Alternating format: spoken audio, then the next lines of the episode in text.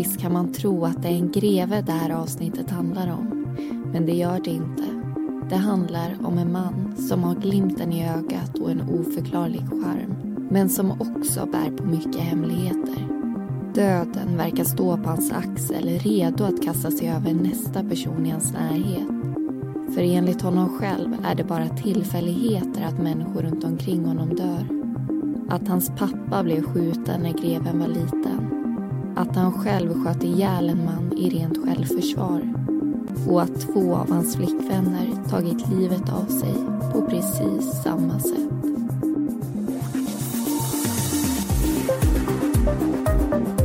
Du lyssnar på Mordpodden, en podcast om den mörka verkligheten.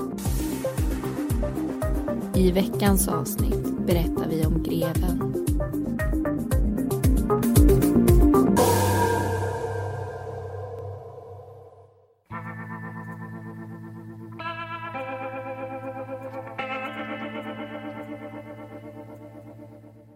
Vi befinner oss i Finland. I det nordiska grannlandet bor Minna. Hon är 18 år gammal och redan gift sedan ett år tillbaka. Men äktenskapet slutar inte med att de lever lyckliga i alla sina dagar. Tvärtom hittar Minna till sin förfäran sin man i sängen tillsammans med en annan kvinna. Det blir en vändpunkt i 18-åringens liv. Paret skiljer sig och Minna är i behov av en ny start och flyttar till Sverige. Året är 1980. Hon får jobb som servitris på en finsk restaurang i Stockholm och trivs bra på sin nya arbetsplats. Men hon har höga ambitioner och hoppas att en dag kunna avancera till hovmästarinna. Efter nio år i Sverige stiger en man in på restaurangen Minna jobbar på.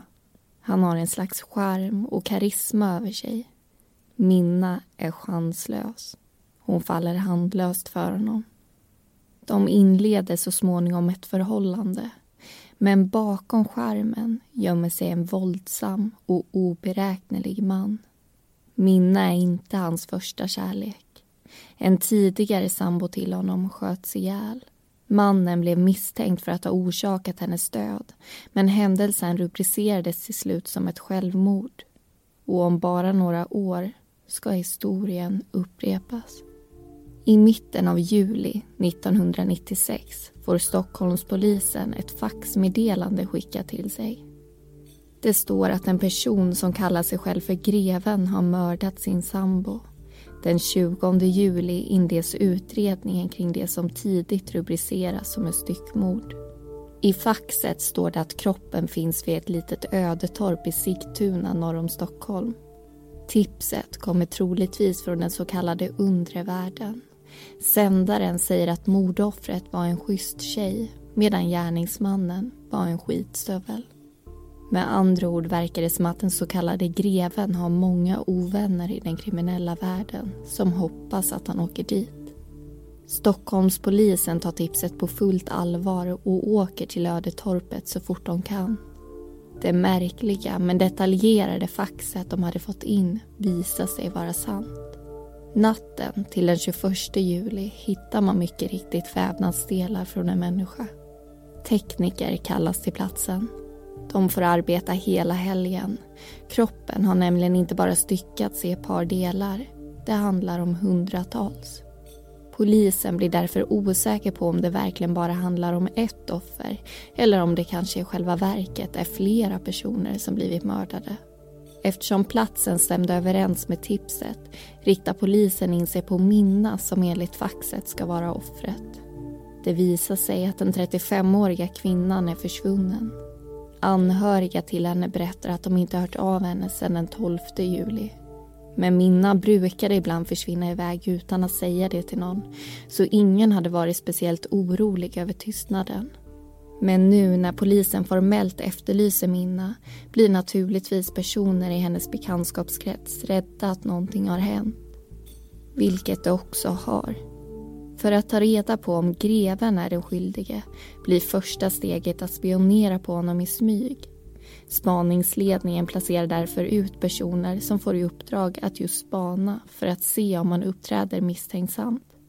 Han befinner sig på en adress i Stockholm. Men han är inte ensam. Spanarna får syn på en Ford Scorpio. Ut kliver tre yngre män. Greven möter dem. Spanarna är snabba på att fånga mötet på film. Tack vare den kan de tre unga männen identifieras. Polisen kollar även upp bilen som visar sig vara leasad av greven själv. Det märkliga mötet och de fynd som görs på brottsplatsen får polisen att misstänka att samtliga personer kan ha varit inblandade i styckningen.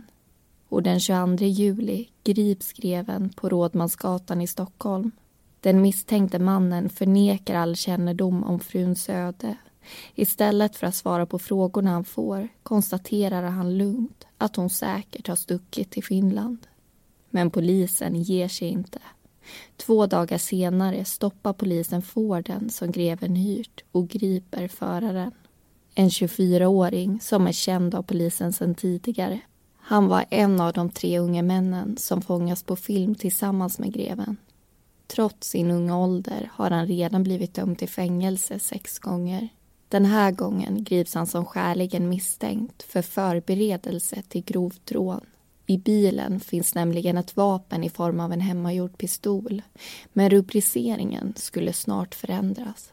Några veckor senare, närmare bestämt den 8 augusti häktas den 24-årige mannen. Men nu handlar det om helt andra brott. Det är inte längre tal om något rån utan stämpling till mord, medhjälp till mord och brott mot griftefriden. Polisen vet om att den 24-åriga mannen har ett djupt hat mot myndighetspersoner, speciellt poliser, så de blir inte förvånade när han inte vill uttala sig i förhören. Han får fråga efter fråga, men sitter bara helt tyst. Förhören hjälper därför inte utredningen framåt. Men på videon som spanarna spelade in när de observerade greven i smyg syns ju inte bara greven och 24-åringen utan även två andra män. Polisen förhör även dem. Men ingen påstår sig veta någonting om Minna eller den styckade kroppen. Medan männen förhörs fortsätter sökandet efter fler likdelar vid ödetorpet i närheten av Sigtuna. Det blir ett omfattande arbete. Hela tiden görs nya fynd. Bitarna av mänsklig vävnad är bara centimeter stora och är utspridda över ett stort område. Vid de små gårdarna i närheten säkras däckspår som visar sig komma från Forden. Men hittills har inte polisen kunnat hitta någonting som säkrar offrets identitet. Både huvud och händer saknas, så fingeravtryck går inte att göra. Istället görs en DNA-undersökning av vävnadsfynden och utredarna tvingas invänta resultatet. Till slut hittas även kroppsdelar som kan säga någonting om offret bland annat en fot. De jämför den med mina skor och det visar sig att både förslitning, storlek och svettavsättning stämmer. Ytterligare ett makabert men välbehövligt fynd görs av polisen. Det är nu huvudet som hittas. Den svårt sargade skallen hittar man i ett skogsområde utanför Märsta. Det finns en del tänder kvar och tack vare dem och Minnas tandkort kan rättsläkaren rekonstruera skallen. Och nu kan äntligen mordoffret identifieras med hundraprocentig säkerhet. Utredarna konstaterar att det mycket riktigt är Minna. Precis som faxet berättade. DNA-resultatet från Statens kriminaltekniska laboratorium säger samma sak. Efter att ha undersökt skallens utseende kommer utredarna fram till en chockerande slutsats. För att utplåna alla identifierbara kroppsdelar har gärningspersonerna använt sprängmedel. Poliserna är vana vid mycket, men det här har de aldrig tidigare varit med om. Med tanke på omständigheterna och den brutala beslutsamheten som styckaren har haft drar polisen slutsatsen att Minna med stor sannolikhet mördats innan hon styckats. Rätten beslutar att häkta greven på sannolika skäl misstänkt för mord trots att han fortfarande nekar ihärdigt. Men tio dygn efter gripandet har 38-åringen plötsligt någonting att komma med. Greven, som hittills förnekat all kännedom om Minnas död, kommer nu med ett helt nytt påstående. Han säger att han vet hur hon dog. Men det var inte han som dödade henne. Han hävdar att sambon hade begått självmord. Han berättar hur det hela gått till och vad han vet om det som skett med kroppen efteråt. Men någon styckning nämner han inte. Det känner han inte till.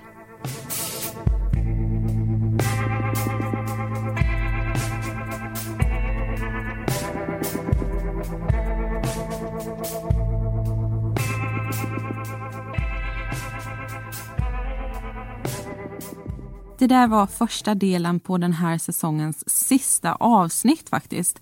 Och vi heter ju Linnea och Amanda och ska som vanligt pausa berättelsen för att berätta mer här i studion.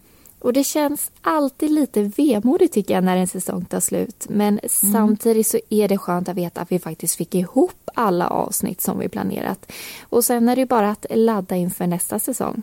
Mm. Och hur våra planer ser ut inför den det kommer vi gå in på närmare i nästa diskussion. Men eh, nu ska vi inte hoppa händelserna i förväg utan vi ska prata om det här avsnittet och det här fallet. Och precis i slutet av den första berättelsen så hörde vi att greven sa att Minna hade tagit livet av sig.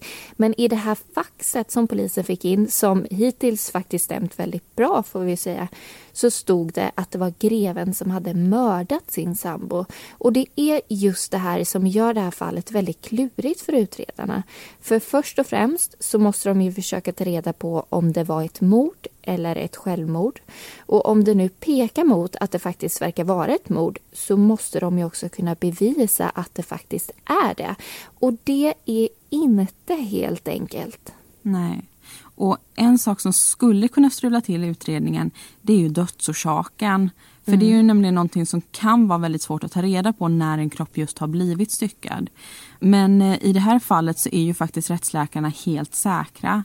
Minna har dött av ett skott genom munnen som var direkt dödande. Och det är ganska mycket som talar för att hon också har blivit mördad. Ja, för det första så brukar anledningen bakom styckning vara att gärningspersonen vill göra sig av med kroppen. Och det vore ju ganska konstigt om någon skulle göra sig det besväret, speciellt på det här sättet, om personen inte hade ett brott att dölja som den ville slippa ta ansvar för. Och om man tittar tillbaka i historien så finns det inget tidigare känt fall där någon har styckat kroppen efter ett självmord.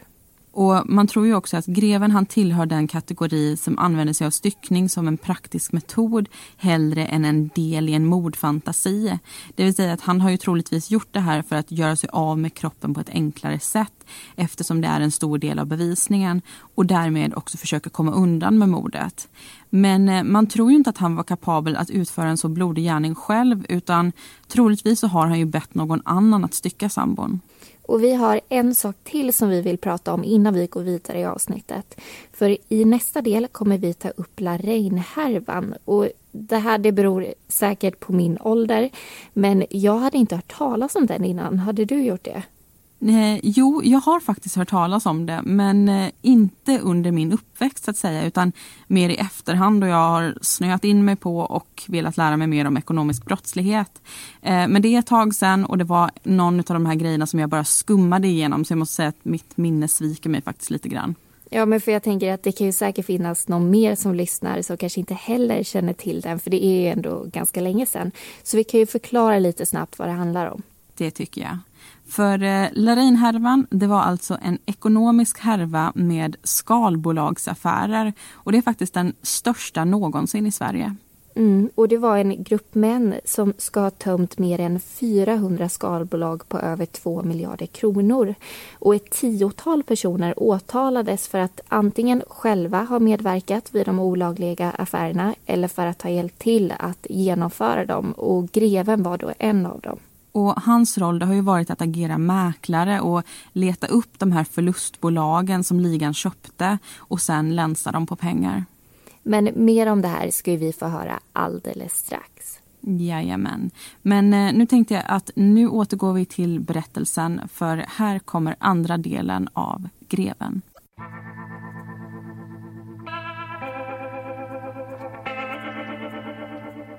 Utredarna försöker skapa sig en bild av grevens liv och förstår att det varit en omvälvande berg och dalbana med snabba kast mellan stora framgångar och tuffa bakslag. Dessutom var hans liv kantat med en rad tragiska och mystiska dödsfall. Det verkar nästan som döden står på hans axel och bara väntar på att få kasta sig över nästa person i hans närvaro. Greven föddes 1958 och hans lilla syster kom tre år senare. Men familjelyckan varade inte länge. Fadern gick bort under märkliga och oklara omständigheter. Han hittades skjuten i sitt eget hem och det hela rubricerades som självmord. Någon annan möjlighet undersöktes aldrig. Skolgången var ganska tuff för greven. Han hade varken tålamodet eller intresset. Redan som 16-åring gav han upp. Han valde att hoppa av studierna. Istället klev han rakt in i vuxenlivet. Han skaffade sig både en egen lägenhet och ett jobb på en bank. Greven trivdes med sitt arbete och skötte sig riktigt bra. Ledningen såg hans framsteg och lovade honom en karriär. Men de hade ett krav. Greven var tvungen att visa upp ett studentbetyg. Han återvände därför till skolan och den här gången gick det betydligt bättre. Han lyckades komplettera sina betyg och läsa in flera studentämnen med enastående resultat. Men det var också runt den här tiden han kom i kontakt med kriminella kretsar och började få smak för både hash och alkohol och det skulle snart sätta käppar i hjulet för hans lovande karriär. Året är 1976. Greven är knappt 18 år gammal. Utanför en restaurang i Stockholm uppträder en 26-årig man hotfullt mot honom och kallar 18-åringens mamma för kränkande saker. Greven tar upp en pistol och skjuter honom rakt i bröstet. Mannen dör. Det blev ett klurigt mål för tingsrätten och hovrätten eftersom man inte kunde utesluta att det var fråga om självförsvar. Greven dömdes till slut till sex månaders fängelse för vållande till annans död.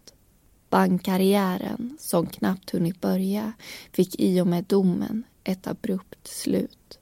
Eftersom greven inte var välkommen tillbaka till banken efter att han avtjänat sitt straff är han tvungen att skaffa sig en ny karriär. Han startar egna företag där han arbetar som konsult och lyckas tjäna stora pengar. Riktigt stora pengar. Han är ambitiös och driftig och skapar sig snabbt ett gott rykte. Han passar på att byta till ett adelklingande efternamn och börjar kalla sig själv för greve.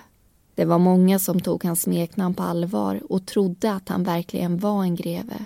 Men det var alltså bara ett påhitt från hans sida. Företagen expanderar och sträcker sig även utanför Sveriges gränser. Snart stod greven med på en topp 10-lista i medierna över landets rikaste. Med en förmögenhet på 178 miljoner kronor var hans namn en självklarhet. Men att han tjänar stora pengar beror inte bara på hårt arbete. Greven ägnade sig åt ekonomisk brottslighet och var en av dem som dömdes i den omfattande skalbolagsaffären, La Reine-härvan som idag framstår som det mest spektakulära och omtalade ekobrottet under hela 1980-talet. Vinsterna bestod av hundratals miljoner innan härvan fick sitt avslut inför domstol. Greven var inte en av de huvudtilltalade men han dömdes för grov ekonomisk brottslighet och straffet för hans del blev två års fängelse som han avtjänade 1992 och 93. Greven har alltså en stor dragning till både våld, vapen och stora pengar. Men det stannar inte där. Även kvinnor kan läggas till på listan. Under sina 38 år har han hunnit med en rad olika samboförhållanden och tre giftermål. En faktor har relationerna gemensamt. De har alla misslyckats. Kanske på grund av att de präglats av stor turbulens och i vissa fall också innefattat våld. Vid två tillfällen har greven åtalats för att ha misshandlat sina kvinnor. 1982 väntade han sitt första barn. Men familjedrömmen slutade i tragedi. Den gravida kvinnan begick självmord i grevens villa. Hon sköt sig själv i bröstet. I alla fall var det vad greven påstod hade hänt. Han hördes som misstänkt för dödsfallet men misstankarna mot honom gick inte att styrka. Hans tillvaro som enkling blir dock inte långvarig. Han inleder relationer med nya kvinnor relativt omgående och snart träffar han en finsk kvinna som han gifter sig med. Kärlekshistorien blir kort, men de hinner få en dotter tillsammans. Efter skilsmässan står som vanligt andra kvinnor på tur. Han gifter om sig och får den här gången två söner. Han arbetar hårt och dricker nästan dagligen. Även det här äktenskapet går i kras och slutar i skilsmässa. Men det ska enligt kvinnan inte ha berott på att deras relation var stormig eller ohälsosam. De tillbringade helt enkelt för lite tid med varandra för att kunna hålla kärleken vid liv. I slutet på 1980-talet stöter greven ihop med Minna på hennes arbetsplats. De inleder en vänskap som växer sig starkare och starkare och till slut blir de ett par och hon flyttar in i hans villa på Lidingö. Äntligen har Minna funnit sin trygghet i Sverige. En man hon kan lita på. Hon är beredd att satsa allt på deras relation för att få den att fungera. Hon får känslan av att han känner samma svindlande känsla för henne som hon gör för honom. Därför kommer det som en chock när han säger att han har träffat en annan. Greven lämnar Minna och gifter sig med sin nya kärlek. På något sätt lyckas han ständigt förföra kvinnor och få dem att falla för hans charm. Det nykära paret gifter sig framför hundratals gäster. Men smekmånaden blir inte av det romantiska slaget trots den påkostade resan. De är tillbaka i Sverige betydligt tidigare än beräknat. Enligt hustrun hade maken nämligen slagit henne och hotat att han skulle ta livet av henne.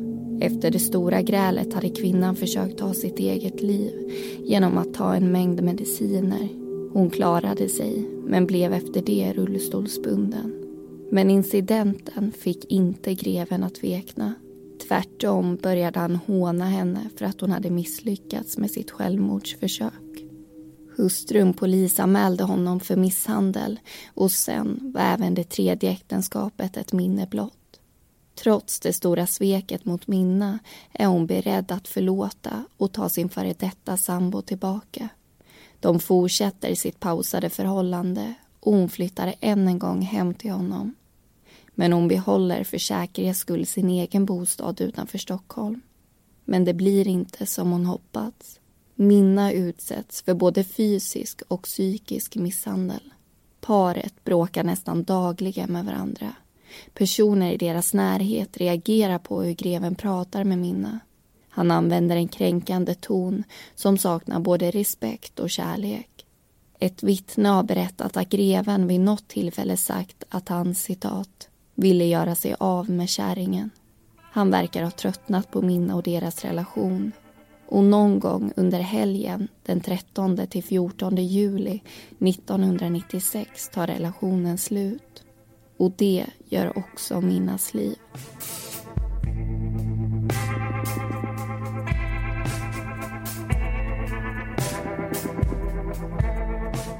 Säsong 4 är en huvudstadsspecial där alla mord vi tar upp har skett i Stockholm.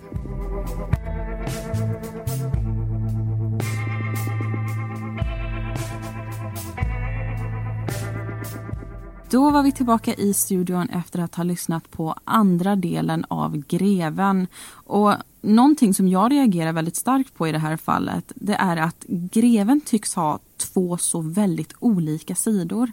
Ja, det är ju någonting med honom som får alla de här kvinnorna på fall. Han kan både vara artig och han kan vara charmig. Men bakom den fasaden så finns den där våldsamma och aggressiva mannen. Och det är just mm. det som jag tycker är obehagligt, att man kan bli lurad av en person på det sättet. Ja, han försökte ju alltid att uppträda som en gentleman så han gav ju verkligen det här intrycket av att vara en väldigt trevlig man. Mm, men det har vi förstått att han på många sätt alltså inte var. Nej, för greven han misshandlade bland annat Minna både fysiskt och psykiskt. Och tyvärr är det ju vanligt att många kvinnor i den här situationen också håller det hemligt. Men eh, Minna hade ju i alla fall en nära vän som också befann sig i en väldigt liknande situation. Och de fann ju en hel del stöd och tröst hos varandra. Och de gjorde faktiskt en eh, överenskommelse som gick ut på att de lovade att polisanmäla den andres man om han utövade misshandel. Och vi har varit inne på kvinnofridslinjen.se och läst mer om just våld i nära relationer. Ja, och vi tänkte gå in lite på statistiken som finns där också. Till att börja med så kan vi säga att det är främst kvinnor som drabbas av våld i nära relationer och våldsutövaren är då oftast en man. Och när det handlar om just parrelationer så finns ju sällan det här våldet med från början utan som för de allra flesta så börjar relationen med en förälskelse. Men sen förändras då relationen steg för steg. Och Det börjar ofta med psykisk misshandel och det kan då handla om till exempel nedsättande och kritiska kommentarer som bryter ner kvinnans självkänsla. Och sen kommer det fysiska våldet som en fortsättning på det här. då. Och forskningen visar ju att den största bakomliggande förklaringen till våldet det är ju mannens kontrollbehov över kvinnan. Och i alldeles för många fall så får ju också det här våldet en dödlig utgång. Ja, 2015 så tog Brottsförebyggande rådet fram statistik över dödligt våld mot kvinnor i nära relationer. Och mellan 2008 och 2013 så hade antalet fall sjunkit från 17 till 13 stycken per år. Men det är ju fortfarande 13 för mycket. Men det finns ju samtidigt hjälp att få och det tycker vi är väldigt viktigt att föra fram. Och Kvinnofridslinjen som vi hittar den här informationen på de finns ju till både för dig som själv är utsatt eller har blivit utsatt för både hot och våld men också om man är orolig för en vän eller en anhörig. För det är ju inte alltid lätt att veta hur man kan hjälpa till och vad man kan göra. Nej, men Kvinnofridslinjen det är alltså en stödtelefon som man kan ringa till dygnet runt. Och Man får då prata med människor som har erfarenhet av att ge stöd till våldsutsatta kvinnor och deras närstående. Och Man är helt anonym, samtalet är gratis och syns inte på telefonräkningen. Och Man berättar själv vad man vill och vad man orkar. Så det här samtalet är alltså helt på dina egna villkor. Mm. Och jag, jag, tycker bara det är så fantastiskt att de finns överhuvudtaget och vi mm. hoppas ju att fler kommer ringa dit så att den här siffran på 13 kvinnor per år minskar ännu mer. Men nu så ska vi berätta om hur våra planer ser ut inför hösten. För det lovade vi att vi skulle göra i förra diskussionen. För det kommer som sagt bli en till säsong. Och ska du Linnea berätta vart vi har tänkt åka då? Ja, det ska jag göra. Och ni vet ju att vi har varit i Stockholm den här säsongen och nu tänker vi faktiskt att det är dags att besöka vår näst största stad, nämligen Göteborg. Så om ni har några tips på fall därifrån som ni vill att vi tar upp så får ni jättegärna mejla dem till oss på mordpodden gmail.com eller skriva till oss på Facebook där vi heter Mordpodden. Och direkt när det här avsnittet är klart så kommer vi börja med researchen inför höstsäsongen. Och planen det är att dra igång den i slutet av oktober. Och för att inte missa starten så kan det vara en bra idé att följa oss på sociala medier och prenumerera på podden i Podcaster. Och vi skulle också bli jätteglada om ni ville betygsätta Mordpodden på iTunes. Och medan vi är borta så kan ni ju alltid passa på att lyssna på Radio Plays andra poddar. Och det har faktiskt precis startat en ny podd inom vår genre som ni säkert kommer tycka om. Ja, det har det. Och den heter Misslyckade brott. Och man hör ju faktiskt vad den handlar om. Den handlar om fall där det helt enkelt har gått åt skogen för gärningspersonerna. Så kika in den tycker jag. Ja, och vi vill tacka så jättemycket för att ni har lyssnat på den här säsongen. Vi är så tacksamma för alla underbara meddelanden och tips vi har fått under den här resans gång. Verkligen. Men eh, nu är det dags att rulla igång sista delen av det här avsnittet och av Greven.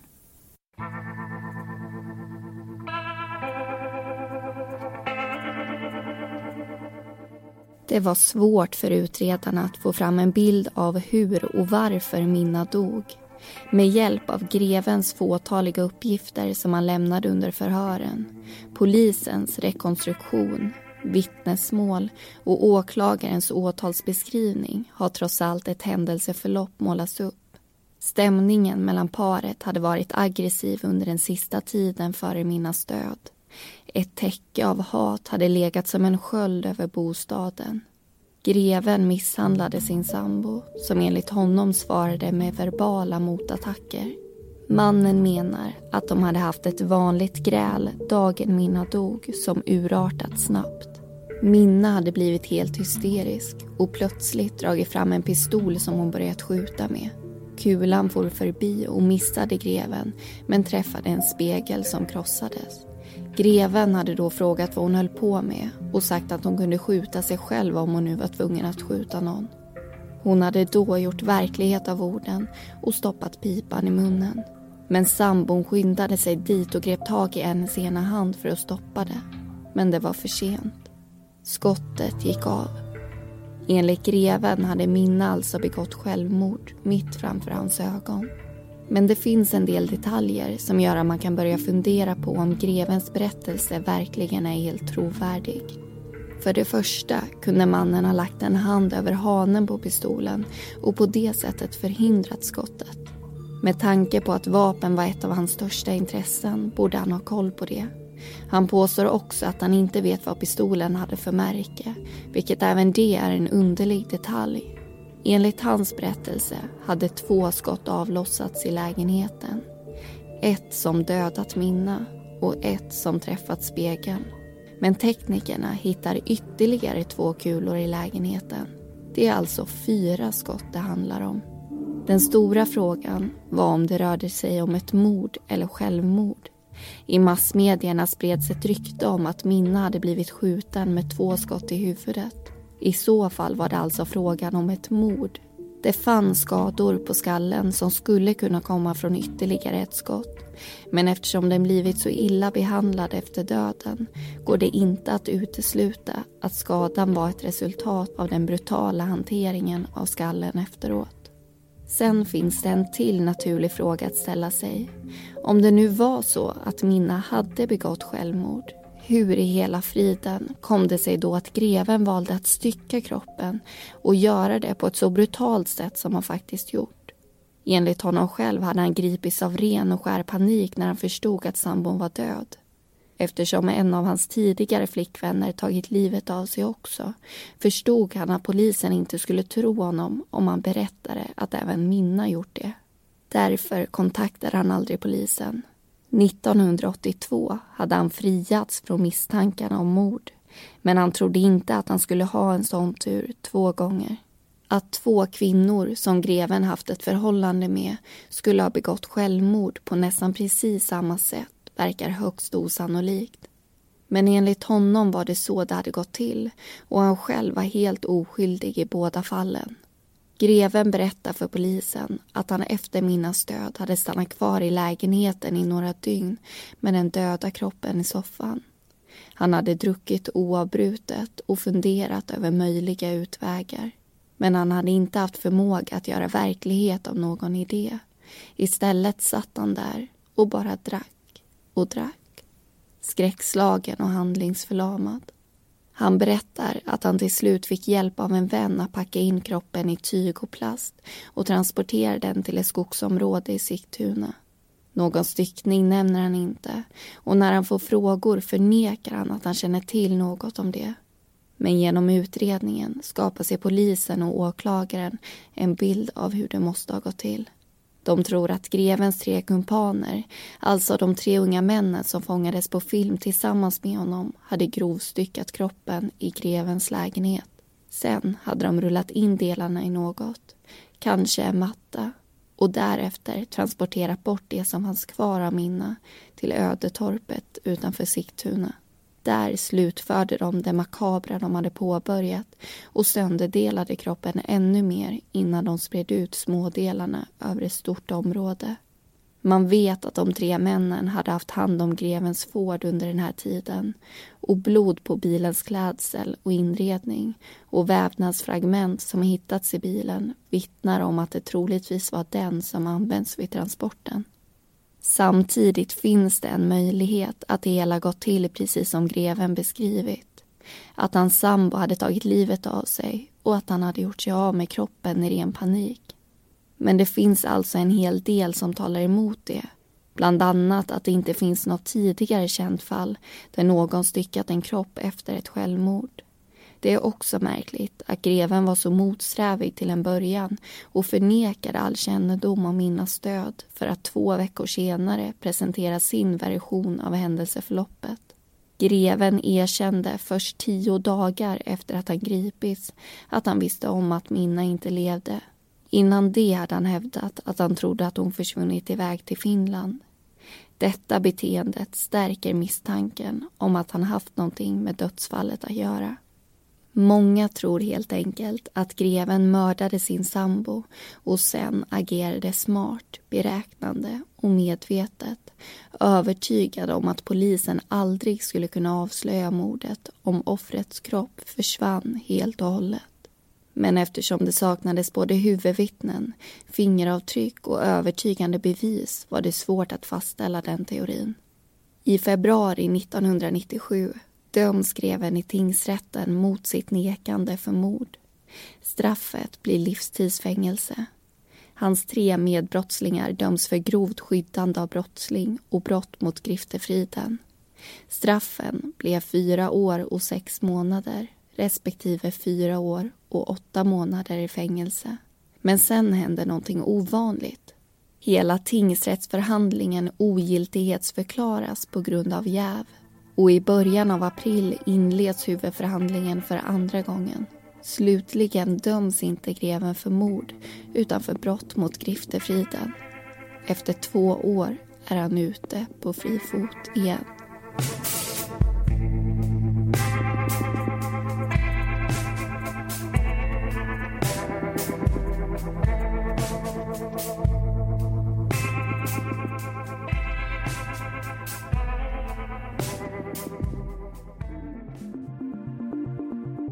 Det var allting vi hade att berätta om greven.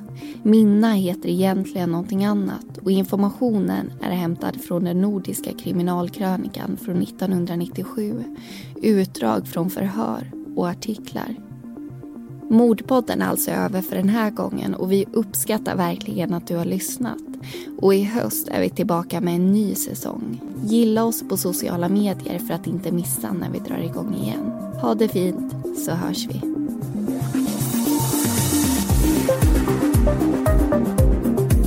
Du har lyssnat på Mordpodden. Vi som har gjort den heter Amanda Karlsson och Linnea Bolin. Bakgrundsmusiken var Lasting Hope och Lightless Dawn av Kevin MacLeod och Deep Space av Audionautics.